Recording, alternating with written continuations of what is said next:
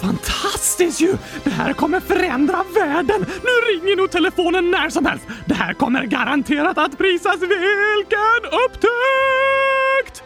Här var det maffig musik, Oskar. Ja tack, Gabriel! Hur kommer det sig? För jag har fått Nobelpris! Har du fått Nobelpris? Ja, eller jag har inte fått det än, men jag kommer få det vilken sekund som helst. Okej, Eh, jag har kommit på en av världshistoriens främsta innovationer! Har det något med gurkor att göra? Ja tack, hur kunde du lista ut det? Bara en gissning. Det här kommer för alltid förändra vad människor äter, Gabriel! Vad är det du har hittat på då, Oskar? Du får hämta en kudde innan jag berättar. Va? Eh, varför det? Så du inte slår dig? Du kanske får ett sår du behöver sy? Jag förstår inte vad du menar. Du kommer tappa hakan när jag berättar! Och jag vill inte att du ska slå dig på hakan, så du borde hämta en kudde och lägga under huvudet så du inte skadar dig. Ah, det var ju omtänksamt. Jag tror att min haka kommer klara sig. Men jag kan hålla i den lite när du berättar för säkerhets skull. Ja, det är nog bäst, Gabriel. För nu ska du få höra på något fantastiskt! Vad är det för revolutionerande du hittat på, Oskar? Trumvirvel! Gurkamjöl! Eh... Okej, okay. det är fantastiskt! Nej, jag menar gurkastiskt! vad menar du att det ska användas till? Till allt! Du byter ut vetemjöl mot gurkamjöl och bakar bröd, bullar, kakor, maträtter. Allt du behöver äta kan göras av gurkamjöl. Går det ens att göra gurkamjöl? Eh, gurkor innehåller ju så mycket vatten så jag är tveksam. Men tänk att baka bröd med gurkamjöl! Du behöver inget pålägg eller någonting! Alltså, jag tycker bröd som är på vetemjöl eller annat mjöl är jättegott. Jag förstår inte riktigt vad som skulle vara så revolutionerande med gurkamjöl. Jo, gurkor är supernyttiga att äta och så smakar de godast i världen så alla blir glada av att äta gurkor. Därför skulle gurkamjöl förändra världen. Mm. Jag håller nog inte riktigt med dig där, Oskar. Jag kommer få Nobelpris i matlagning! Det delas inte ut något sånt pris. I kemi då! Och säkert det fredspriset också! Jag är tyvärr tveksam, Oskar. Även om det är en bra idé med gurkamjöl så tror jag inte att någon Nobelkommitté kommer att ringa dig idag. Inte? Ja, ah, såklart. Du menar för att pristagarna brukar få priserna några år efter sin upptäckt? Det var inte det jag menade. Du menar att det är idag så delas litteraturpriset ut? Nej, inte, inte därför heller. Alltså, jag tror inte det är en tillräckligt stor upptäckt helt enkelt. Jag vet inte ens om det är möjligt att göra gurkamjöl. Nähä. Okej, men jag har fler idéer. Aha, såklart! Min kreativa hjärna slutar aldrig komma på nya revolutionerande innovationer! Det kan jag faktiskt tänka mig. Vad tror du om eh, minikylskåp? Hur små då tänker du? Så små att du kan ha dem i fickan, så kan du alltid ha med dig ett kylskåp. Ja, det låter smart. Men du får ju inte plats med någon mat eller något i ett så litet kylskåp. Nej, det har du rätt i. Det är litet och smidigt, eh, men inte särskilt användbart. Nej, inte direkt. Okej, okay. gillar du någon annan uppfinning på min uppfinningslista då? Vad är det för lista? En lista där jag skriver ner idéer på smarta uppfinningar och innovationer. Aha, vad står det på den? Ehm... Det har jag glömt. Jag får gå och hämta listan tror jag. Den ligger i kylskåpet. Såklart. Sätt upp på gurkgängen under tiden Gabriel, så kommer jag snart. Eh, visst, eh, det kan jag göra. Skynda mig! Gör så Oskar. Här kommer gingen.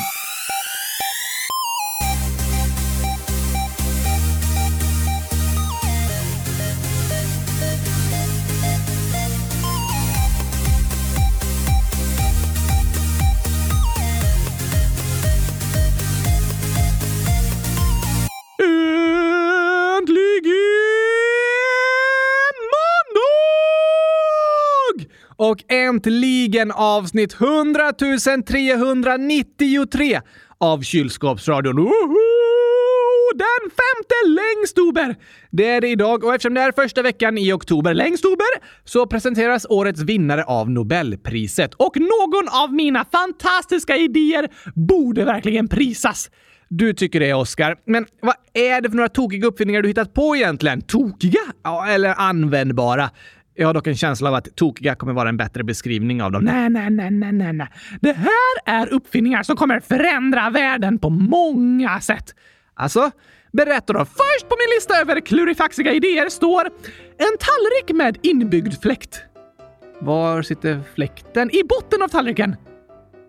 Aha, så om du till exempel häller upp en riktigt varm soppa i tallriken som är så varm så du inte kan äta den, så sätter du på fläkten och så kyls soppan ner utan att du behöver blåsa på den. Okej, okay. ja, kul idé. Eh, men om fläkten är i botten av tallriken och tallriken är fylld av soppa, när du sätter på fläkten så kommer ju soppan flyga över hela rummet. Ja, det har du rätt i. Kanske bättre med en liten fläkt ovanför tallriken som blåser på soppan ovanifrån. Ja, eh, kan nog bli lite kladdigt av den också, men det är en bättre idé, det håller jag med om. Vi går vidare till eh, nästa på listan.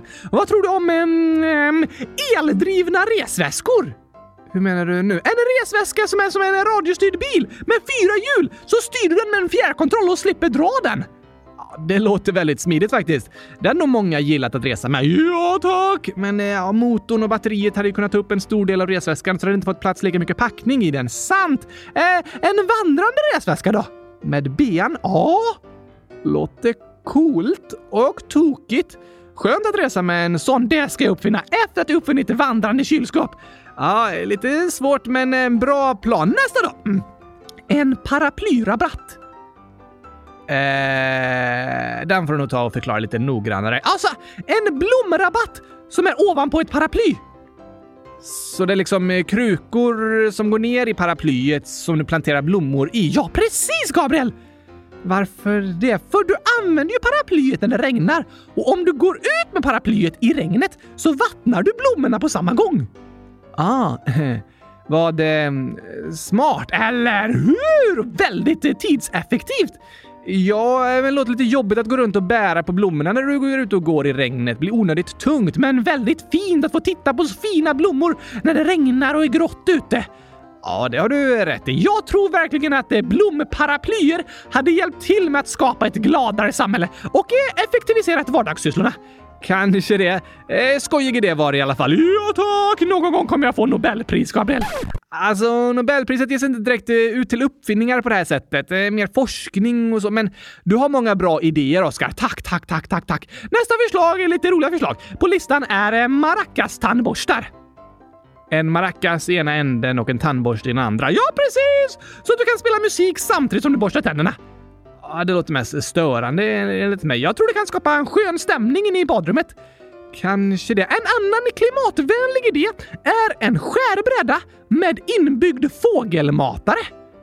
Eh, det är liksom små hål i skärbrädan som brödsmulorna åker ner i och så åker brödsmulorna genom en slang ner till en fågelmatare.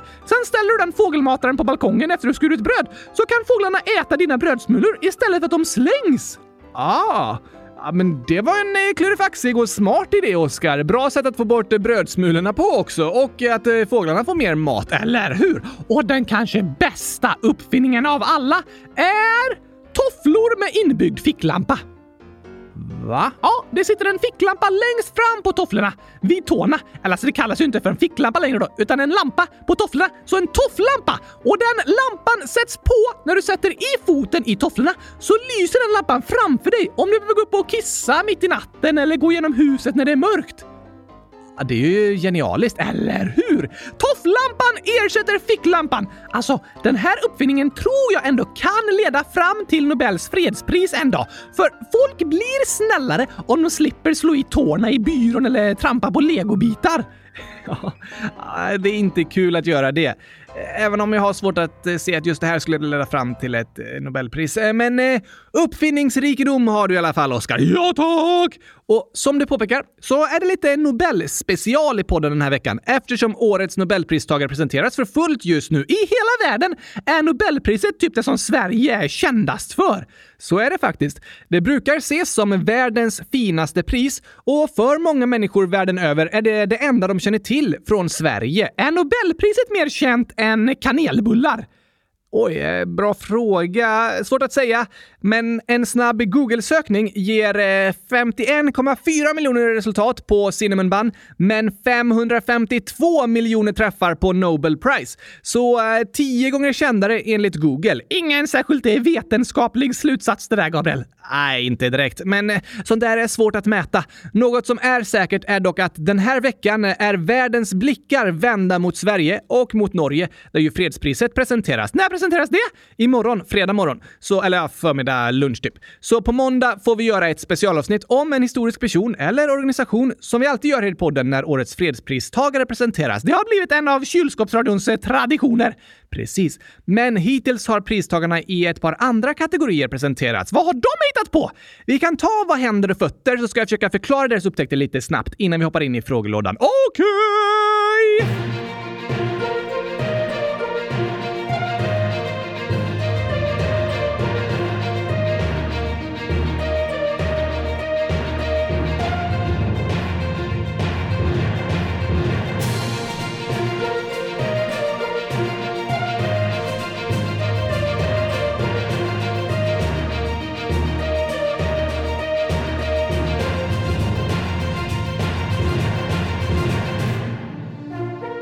Hittills är det pristagarna i tre kategorier som har presenterats. Bästa gurkaglass, vackrast kylskåpsteckning och matematik. Nej, det delas inte ut pris i någon av de kategorierna, även om det finns ett nytt pris i Nobels minne inom ekonomi och där vinner ibland en del matematiker. Även fysik är ju mycket matematik. Den som kan bevisa att 1 plus 1 är lika med 100 000 kommer få Nobelpris ah, du tänker så. Eh, det är det ingen som har gjort och det är det ingen som kommer göra, för det är fel. Hä? Men idag presenteras även vinnaren inom litteratur samtidigt som vi spelar in detta, så vi hinner inte få med det. Och imorgon presenteras som sagt det fredspristagaren. Tror du jag kommer vinna för berättelsen om gurkaglassens historia? Om du vinner litteraturpriset? Ja, det är en spännande berättelse, eh, men du finns inte med bland favoriterna, Oskar. Nej. Men igår presenterades pristagarna i kategorin kemi. Va? Måste de komma från kemi? Jag trodde Nobelpristagarna kunde komma från alla länder. Ja, det, det, kan de, men de måste bo i kemi. Jag förstår inte vad du menar. Kemi är en stad i Finland och jag undrar om alla pristagare måste bo där för att få ett pris i kemi. Aha. Eh, var ligger den staden? Typ bredvid svenska gränsen. Alltså, jag tror inte den uttalas kemi eller inte typ kemi eller något. Kanske det. Så pristagarna måste inte komma därifrån. Nej, kemi är en naturvetenskap som studerar materia och hur den sitter ihop. Du menar molekyler och atomer och sånt? Precis. Och igår fick tre forskare dela på kemipriset för upptäckten och utvecklingen av kvantprickar, som är jättesmå nanopartiklar. Det var inte snällt sagt. Vad, men, vad, menar du? Att kalla de prickarna för fjantiga bara för att de är så små? Inte okej! Okay. Ah, jag, jag sa inte fjantprickar, utan kvantprickar. Aha! Vad är det? En kvantprick är en superliten nanopartikel, bara några nanometer stor. Hur lång är en nanometer? Det är en miljarddels meter. Alltså väldigt, väldigt litet. En meter uppdelad i en miljard delar. Ja, då är varje del otroligt liten. En miljard är ju en etta följd av nio nollor. Under lång tid trodde forskarna att det var omöjligt att skapa så små partiklar, men Årets Nobelpristagare har lyckats. Wow! Men eh, varför är det så bra att ha sådana små kvantprickar då? De är så små att jag inte riktigt kan komma på vad jag skulle kunna använda dem till. Jag ser dem inte ens. Nej, men de kan användas på många olika sätt i modern teknik till exempel. För kvantprickar absorberar ljus. De suger in ljus. Precis. Och när de sen skickar ut ljuset igen så får ljuset en bestämd färg och det är storleken på kvantpricken som bestämmer våglängden på ljuset. Aha. Aha! Och beroende på våglängden har ljuset olika färger. Just det, det pratade vi om här om veckan. Rena vetenskapspodden det här, Gabriel! Eller hur? Men det är lite spännande med nya upptäckter. Och i moderna skärmar så behövs blått, rött och grönt ljus för att kunna skapa alla färger. Eh, va? Ja, det är en kombination av de färgerna som skapar andra färger. Aha! Kommer du ihåg att blått och rött är i var sin sida av ljusspektrumet, alltså var sin sida av regnbågen med olika lång våglängd. Och så är grönt i mitten. Så tillsammans kan de tre färgerna liksom kombineras till att bli alla andra färger. Okej!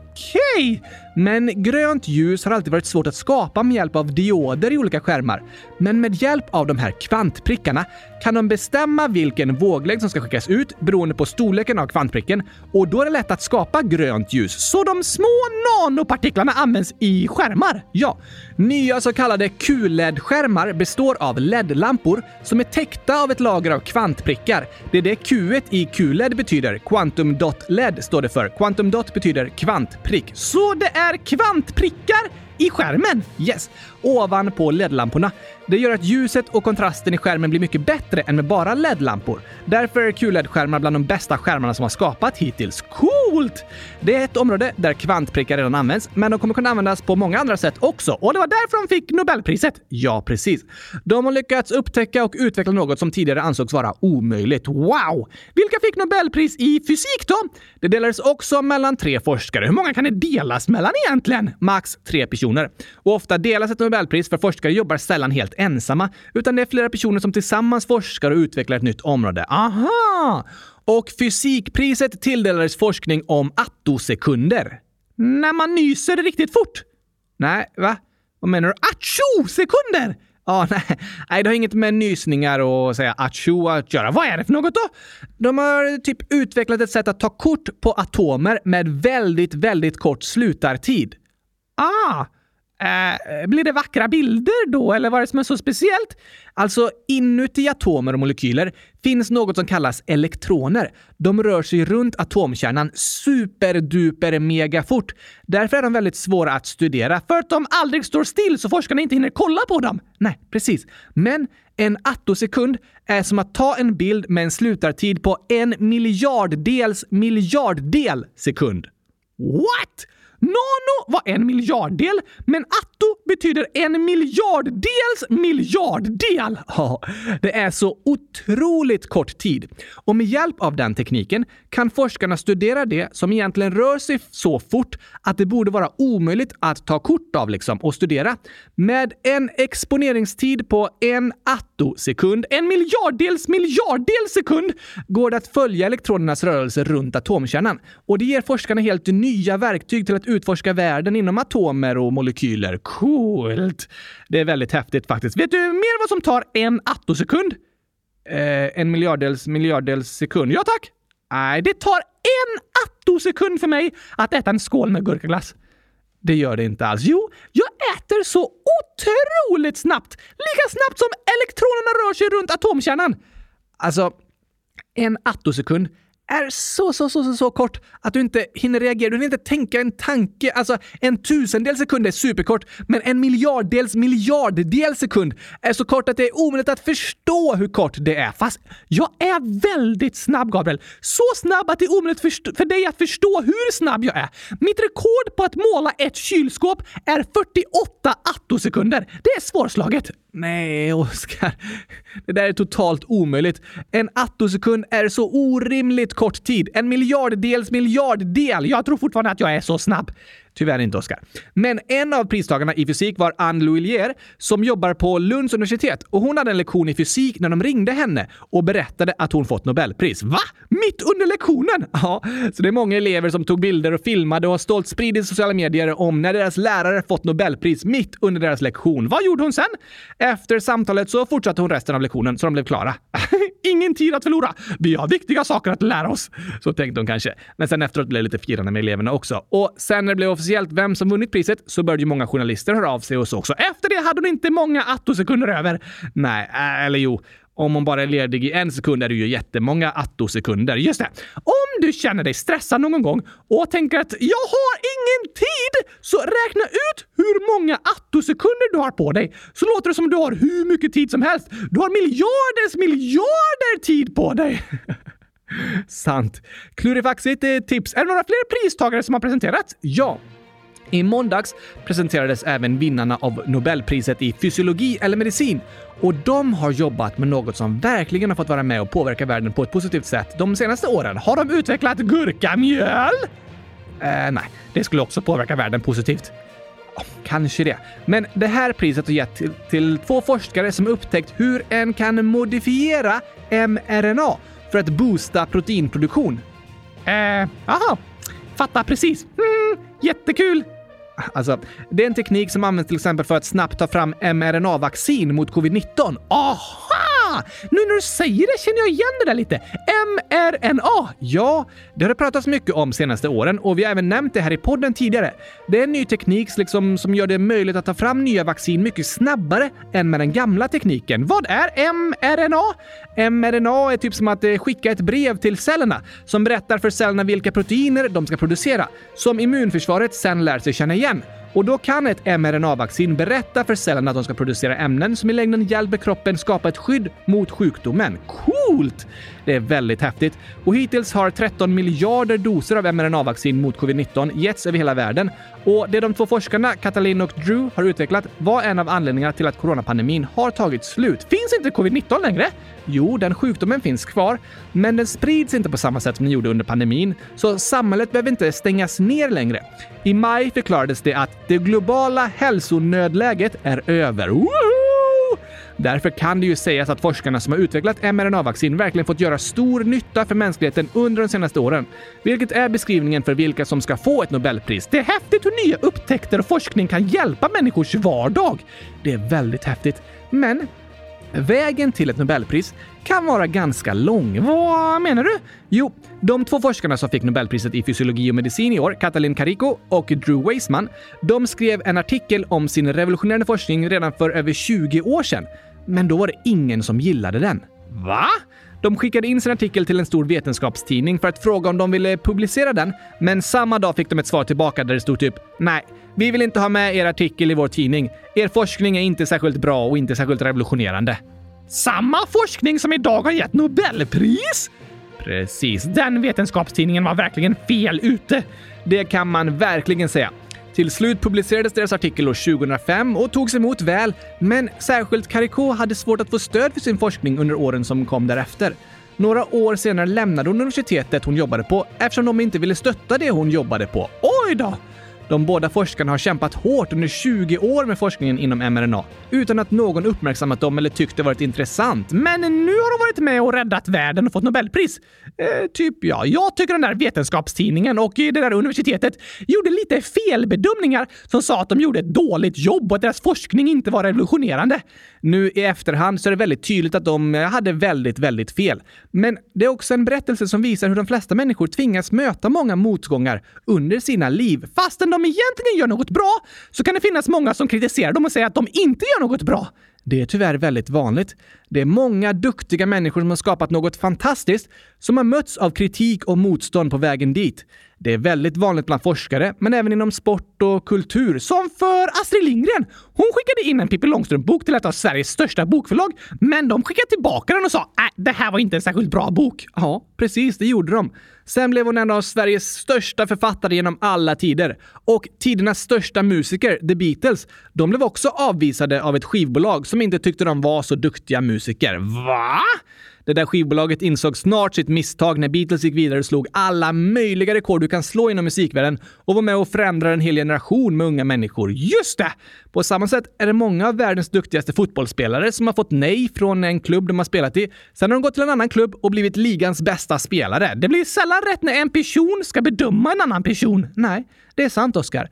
Om en person ska bedöma vilken bok som ska publiceras, vilken spelare som är bäst, vilka musiker som är duktigast, vilka som borde få ett särskilt pris, så är det väldigt mycket upp till vad just den personen tycker. Men alla andra kanske inte håller med den personen, eller hur? Svenska folket höll inte med förläggaren på Bonniers förlag som sa nej till Astrid Lindgren. Alla läsare älskade hennes böcker. Likadant med Beatles och med årets nobelpristagare. Lärare kan också göra felbedömningar. Absolut. Det kan alla människor göra. Och det kan vara något viktigt att komma ihåg. För det kan vara väldigt jobbigt att vara med om en motgång, att missa en uttagning, att inte bli vald till en särskild plats, att inte få en lika positiv bedömning som en önskat. Men det är något som hänt även Nobelpristagare, Sveriges största författare och världshistoriens största musiker. Sant! Så en motgång betyder inte att du är dålig, att du inte kan. Det kan kännas så. Tyvärr kan det kännas så. Men det är inte ens säkert att de som har gjort bedömningen har gjort en korrekt bedömning. De kanske är helt ute och cyklar. Jag kommer fortsätta tro att gurkaglass är världens godaste glassmak, även om alla säger att jag har fel. Gör du så, Oskar? Och du får ju tycka det om du vill, oavsett vad andra tycker. Sant! Och en dag kommer nog en konstnär upptäcka mina fantastiskt vackra kylskåpsteckningar och inse att de borde visas upp på museum. Kanske det. Jag är övertygad om att det kommer hända. Lycka till Oskar. Jag tror på dig. Hundratusen tack Gabriel! Och till dig som lyssnar som är ledsen över ett dåligt omdöme eller är nervös inför en uttagning eller ett prov. Lycka till! Jag tror på dig! Jag också. Och även om det inte skulle gå så bra som du önskat kan du tänka Aha, då betyder det kanske att jag kommer få Nobelpris i framtiden, för det är ju ungefär likadant för mig som för Nobelpristagarna. Ja, så var det ju faktiskt. Det den där vetenskapstidningen sa till de framtida Nobelpristagarna låter idag som ett stort skämt, fast ett väldigt dåligt och tråkigt skämt. Det var nog inte kul för dem att få höra. Nej, så nu tycker jag vi fortsätter med lite roliga skämt istället. Det låter bra, Oskar.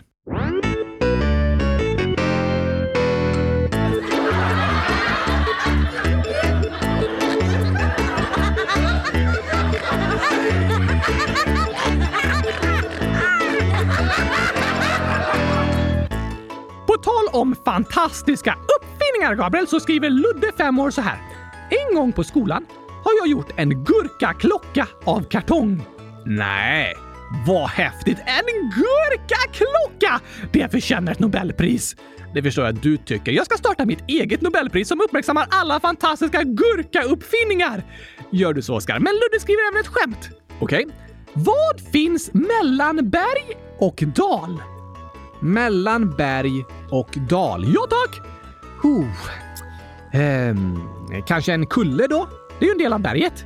Ja, den är väl lite, lite av ett mellanting. Om det är en egen kulle liksom som inte är på berget, då är den varken berg eller dal. Jo, antingen är den en del av berget eller så är den en del av dalen. Ja, kanske har rätt i. En, en bergsget då? Den är inte mellan. Den är antingen i dalen eller på berget. Okej, okay, men ändå bra gissning. Tack så mycket. Vad kan vara mellan då? Eh, solnedgången? Nej tack. Nej. En flod? Nej tack. Nej, jag har ingen aning, Oskar. Vad finns mellan berg och dal? Och? Va? Svaret är och. Och vad då? Och? Och? Det är mellan berg och dal. Ja, ah, mellan de två orden. Ha! Där lurade Ludde upp dig på bergstoppen och ner i dalen igen. Ja, det gjorde han verkligen. Så klurifaxigt. Och är ju mellan berg och dal. Väldigt sant, Ludde. Där fick du mig. Ja, tack! Eftersom det är Nobelpris special fortsätter vi med naturvetenskapliga kluringar. Alltså, Gabriel 7 gånger 10 uppe till 22 år skriver skämt. Vad går och går, men kommer aldrig till dörren? Hmm. Ja, det där finns det många olika svar på. Jag tycker nog ändå rulltrappan är ett bra svar. Rulltrappan kan stanna. Ja, och vissa rulltrappor står still när ingen går i dem. Just det, så de går och går inte hela tiden. Nej, men de går ju och går mycket kommer aldrig till dörren. Fast inte hela tiden. Rätt svar är något som aldrig står still. Okej, aldrig. Inte ens om det går sönder. Nej, det kan inte gå sönder. Oj! Eh, är det något med ben som går och går? Nej, utan ben. Okej, hur, hur går det då? Det går upp och ner, upp och ner. Hissen? Nej, den står ju också still och kan gå sönder. Ja, ab absolut. Um, naturvetenskapligt så pratar de innan. Eh, vattenkretsloppet, va? Ja, att vatten avdunstar från eh, jorden, alltså vatten, sjöar och floder och sådär, kommer upp i luften, upp i molnen, samlas där och sen regnar det ner, upp och ner hela tiden i ett kretslopp. Fast vatten kan ligga still i en vattenpöl. Ja, det kan du ju göra också, men det kommer aldrig till dörren. Nej tack! Men det är fel. Okej, okay, ja. Jag vet inte vad som går och går och aldrig kommer till dörren. Solen! Va? Ja, solen går upp och solen går ner och solen går upp och solen går ner och solen går upp och solen går ner men den kommer aldrig fram till dörren. Nej, det har du rätt i. Det beror på att det inte finns en tillräckligt stor dörr för att solen ska få plats genom den. På jorden finns inte det, för solen är större än jorden. Den måste kämpa hårt för att gå upp och ner och upp och ner hela dagarna. Alltså, det ser ju ut som att solen går upp och ner eftersom jorden snurrar. Då går solen upp på ena sidan när den vänds mot solen och ner på andra sidan när den sidan av jorden vänds bort från solen. Så det är jorden som gör att solen går upp och ner. Ja, för att jorden snurrar. Coolt! Tack för skämtet i alla fall, Gabriel! Stort tack för det. Och här har vi ett till från Kiana Älskaren, 9 år, som skriver Hej! Jag blev jätteglad när ni läste upp mitt inlägg. Vad roligt att höra. Jag gjorde ett till skämt. Varför är det bara en enda person i Venedig som ser på nyheterna? Bara en enda person? Ja tack! Det låter inte rimligt. Det bor ju flera hundratusen människor där. Några stycken borde väl se på nyheterna? Nej, just på den här nyhetssändningen är det bara en person som kollar. På riktigt, det är dagens skämt, Gabriel! Ja, just det. Så det är en ordvits liksom. Ja tack! Okej, okay. hmm. Det är bara en som kollar på nyheterna i Venedig för att... Ehm, är det någonting med en översvämning? Nej. Eh, okay. Gondoler kanske inte det heller? Nej, vad är mer speciellt för Venedig? Kan det vara något med pasta? Vadå? Eh, en kollar på nyheterna för de andra satt och pasta. Låter som de satt och basta. Precis, också fel. Aha. Då har jag inga fler idéer. Det är bara en enda person som ser på nyheterna i Venedig.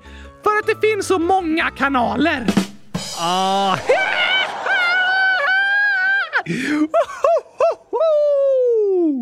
Venedig är ju byggt på vatten och det finns jättemånga kanaler där. Ja, det låter som att det är olika tv-kanaler. Är det inte samma sak? Eh, inte riktigt, men i alla fall är det bara en person som kan titta på varje kanal, för det finns så många kanaler. Det var jättebra, Kiana älskaren. Ja, tack! Och jag vill fortsätta skratta nu, det är så roligt. Så här kommer en skämtsång. Låter kul, Oskar. Hej! Är det här hos eh, SJ? Ja, det är det. Jag ska ta tåget till Göteborg. Hur lång tid tar det? Ett ögonblick. Ja, vad bra. Tack så mycket. Nej, åh, jag glömde fråga. Hur mycket kostar bussen? Den kostar 20 kronor. Det var billigt. Kan jag få den inslagen i fint papper? Har du hört om igelkotten som behövde tagga ner? Om läraren med solglasögon för sina lysande elever? Om pannkakor i fängelset med en fånge som smet? Om pengarna som knackar på dörren så det sa bank, bank? Om folk som ligger ner i affären för att hitta låga priser? Om det ryska nattflyget? Ja, det heter Sovjet. Om trötta snickaren som drog igång slipmaskinen. Om katten som åt en linjal och blev mätt. Varför gör kaffet så ont? För det är bit socker i. Kan jag få en kopp kaffe utan mjölk? Nej tyvärr, mjölken är slut. Var är det varmast i ett rum i hörnet? Det är 90 grader. Varför är man så ensam i en lövskog? Där finns inte en kotte. Gabriel, vet du vad snigelmamma sa till sina barn när de skulle gå över vägen? Nej, skynda er! Bussen kommer om tre timmar! Har du hört om fotbollsskorna som passade bra? Eller om fotbollstränaren som hade en plan? Om katten som åt en stol och satt i halsen? Om flöjten som var ledsen för gitarren var så sträng? Om bajskorvens polisanmälan för den hade blivit utpressad? Om den sjuka tandläkaren som ersattes av vikaries? Om syslöjdsläraren som sa till eleverna att sticka? Om bonden som sa att livet är tufft och grisen sa grymt. Vilket djur förlorar hela tiden? Du vann. Vilket djur ser bäst? Se bra. Vilket djur är stökigast? Fjärilslarven. Vilket djur är störst? En orm. Vilken är roligaste planeten? Melkulius. Vilken frukt smäller högst? Granatäpplet. Var firar poliserna sin fest? På Liseberg. Vad säger man till en dans med många båtar? Köp en hamn. Varför simmar ankorna på rad? Det är förbjudet med ankring. Varför får vandrade pinnar inte vara med i OS? Det blir för många grenar. Vilken glass är roligast att äta? Kul glass! Var kan man chatta med Severus Snape? På Snape Chat. Vad heter mössens motorcyklar? Ostbågar! Varför följde polisen inte tjuven in på bion? Han hade sett filmen. Har du hört om korna som stod och betade? Det var poängen. Och om familjen som målat sitt hus? Det var vitsen. Det var en riktig Nobelspecial idag, Gabriel. Ja, det blir det den här veckan. Så tyvärr har vi inte hunnit svara på så många lyssnarfrågor idag, men det kommer fler avsnitt. Ja, vi kommer fortsätta läsa upp era inlägg både på måndag och torsdag nästa vecka, men vi kan väl ta några innan vi avslutar i alla fall. Visst, det kan vi göra. Anonym 7 år skriver. Jag har börjat i 2B, men jag är rädd att mina kompisar kommer att retas med mig. Vad ska jag göra? Har ni något förslag? Det förstår jag! Det är det många som är rädda för. Ja, såklart. Ingen vill bli retad och jag önskar att ingen ska bli retad. Det är min önskan också, för det är inte okej. Det är inte snällt att säga sådana saker till andra människor som gör dem ledsna. Verkligen inte. Men vad går det att göra då, Gabriel? Alltså, du behöver inte göra något särskilt för att inte bli retad. Du behöver inte vara på ett visst sätt eller ändra på den du är, för du har rätt att bli respekterad och accepterad precis så som du är. Ja tack! Men det är superbra anonym att du berättar om vad du känner och vad du är med om. Fortsätt gör det. Om någon säger något dumt till dig, så berätta gärna om vad som har hänt så du får höra från andra att det de har sagt inte är sant och att du inte känner dig ensam. Just det, det är skönt! Vi önskar dig stort lycka till Anonym och hoppas att du har det superbra i 2B. Vi hoppas att alla ni som lyssnar ska få trivas i skolan och känna att det är en plats där ni respekteras och accepteras så som ni är. Det önskar vi verkligen, för ni är bäst i test. Precis. Det gäller er allihop. Dig också Anonym! Du är bäst i test. Stort tack för ditt inlägg. Ja, tack! Och nästa inlägg är skrivet av Pandan, 8 år, som skriver så här. Det känns som om min mamma gillar min syster mera än mig. Läs upp det här snälla. Vad ska jag göra? Och så gråtande emojis. Åh, det där är en jobbig känsla. Verkligen. Jag förstår att det känns jobbigt, Pandan. Stort tack för att du skriver och berättar om det! Stort tack för det. Det är superbra att du berättar om vad du känner, för det du känner är viktigt, för du är viktig! Det är du, men är det sant att föräldrar kan gilla ett syskon mer än ett annat? Jag tror att din mamma älskar både dig och din syster superduper mega mycket. Så mycket att det liksom inte går att göra någon skillnad. Det tror jag också. Men ibland kan det vara svårt för föräldrarna att ge alla barn exakt lika mycket tid och uppmärksamhet. Aha! Och då kan ett barn börja känna det som om föräldern tycker mer om ett syskon. Just det! Även om det inte är sant. Ja, även om det inte skulle vara sant så kan det vara jobbigt att det känns så. Är det svårt för föräldrar att vara helt rättvisa hela tiden? Det är svårt, ja. För barn kan ha olika intressen, olika behov och det är svårt att göra allt lika för barnen kanske inte tycker om samma saker och så. Det har du rätt i. Jag är övertygad om att din mamma älskar dig superduper mycket Pandan och att det inte är någon skillnad på hur mycket din mamma gillar dig och din syster. Det tror inte jag heller. Men om din mamma har gjort saker som får dig att känna så, så kanske du på något sätt kan berätta det för din mamma så hon får chans att visa hur mycket hon tycker om dig också. Just det! Kanske tänker du på något särskilt som du också skulle vilja göra med din mamma? Kanske något din syster har fått göra? Då kan du berätta det och säga att det är något du önskar göra tillsammans. Bra idé! Eller om det är något särskilt som har hänt som har fått dig att känna dig bortglömd, så kan du berätta om det så att din mamma får möjlighet att visa hur mycket hon älskar dig och förstår hur du har känt i de olika situationerna. Just det! Hundratusen tack för att du ville skriva och berätta om det här Pandan. Det är ett viktigt och modigt inlägg du har skrivit. Ja tack! Verkligen!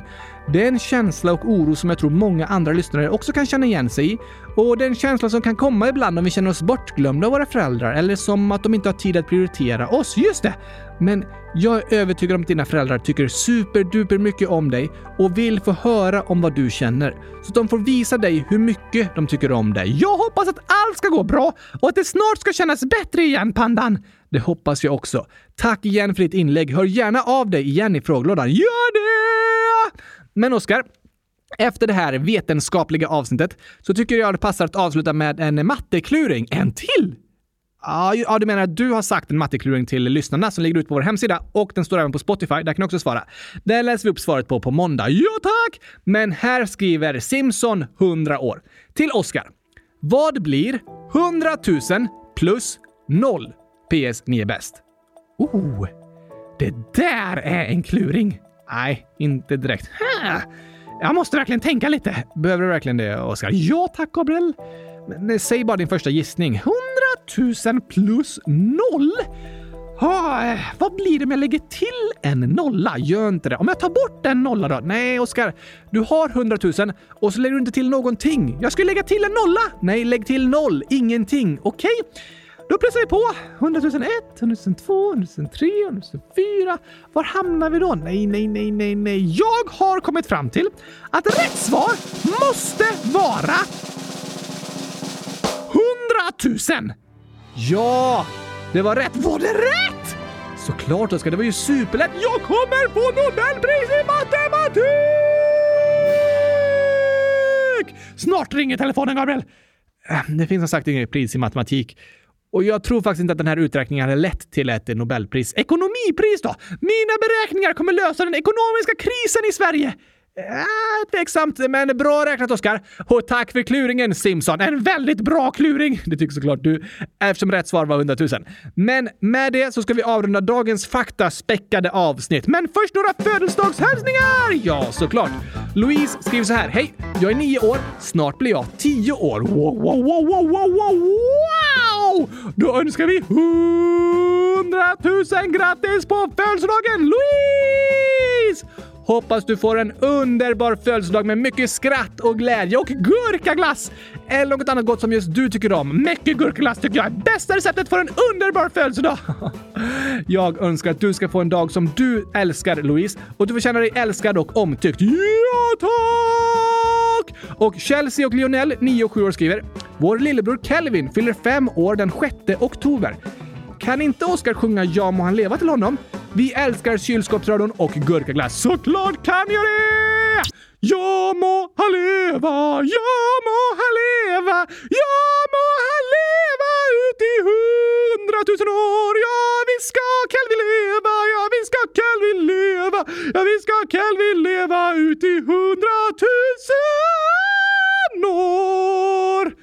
Vackert Oskar! Hundratusen tack och hundratusen grattis önskar vi Kelvin! Hipp hipp hurra, hurra, hurra, hurra, hurra, hurra, hurra! Hur många ska du säga? Hundratusen stycken! Hurra, hurra! Lite många. Ah, Okej okay då. En, två, tre, fyra, fem, sex, sju, hundratusen. Hurra! Det önskar vi dig Kelvin. Hoppas du får en superduper härlig födelsedag och blir riktigt grattad av Chelsea, Lionel och alla i familjen. Ja tack, ha det bäst i test! Det önskar vi dig. Och Ashy Pro 100 000 skriver jag fyller 100 000 timmar i oktober. Jag tror att Oscar blir glad av det. Ni är bäst. Du kunde inte säga 100 000 utan att bli min röst, Gabriel. det var lite skojigt det där. Åh! wow! Ashy Pro! 100 000 timmar! Det är det bästa som finns! Det är ju den eh, liksom födelsedagen man ska säga som du älskar mest av alla, Oscar. Ja, ja, ja, ja, ja tack! Jag fyllde det i somras och nu är det din tur, Ashy Pro! Hoppas du blir firad ordentligt! Det är inte så många som brukar fira när de fyller 100 000 timmar, men jag tycker det är det bästa av allt att fira! så vi säger grattis till dig, Ashy Pro! Ha en fin dag när du firar 100 000 timmar. Fira med att äta 100 000 liter gurkaglass. En liter för varje timma du har levt. Ja, det är väldigt, väldigt mycket gurkaglass. Men jag hoppas du får en härlig dag och får skratta mycket när du firar dina 100 000. Ja, tack! Och vi hoppas att ni alla som lyssnar får en underbar helg med mycket skratt och glädje den också. Ja, tack! Och mycket gurkaglass. Mm, kanske det. Följ gärna vem som får Nobelpris idag och imorgon. Och så pratar vi vidare om det på måndag och om gurkaglass. Du kommer alltid prata om gurkaglass hela tiden, Oskar. Ja, ja, ja, ja, tack! Tack för att ni har lyssnat idag. Ni är bäst i test allihopa. Det håller jag med om. Vi hörs igen på måndag. Jag längtar redan. Jag också. Tack och hej! Nobelpris i gurkapastej. Hej då!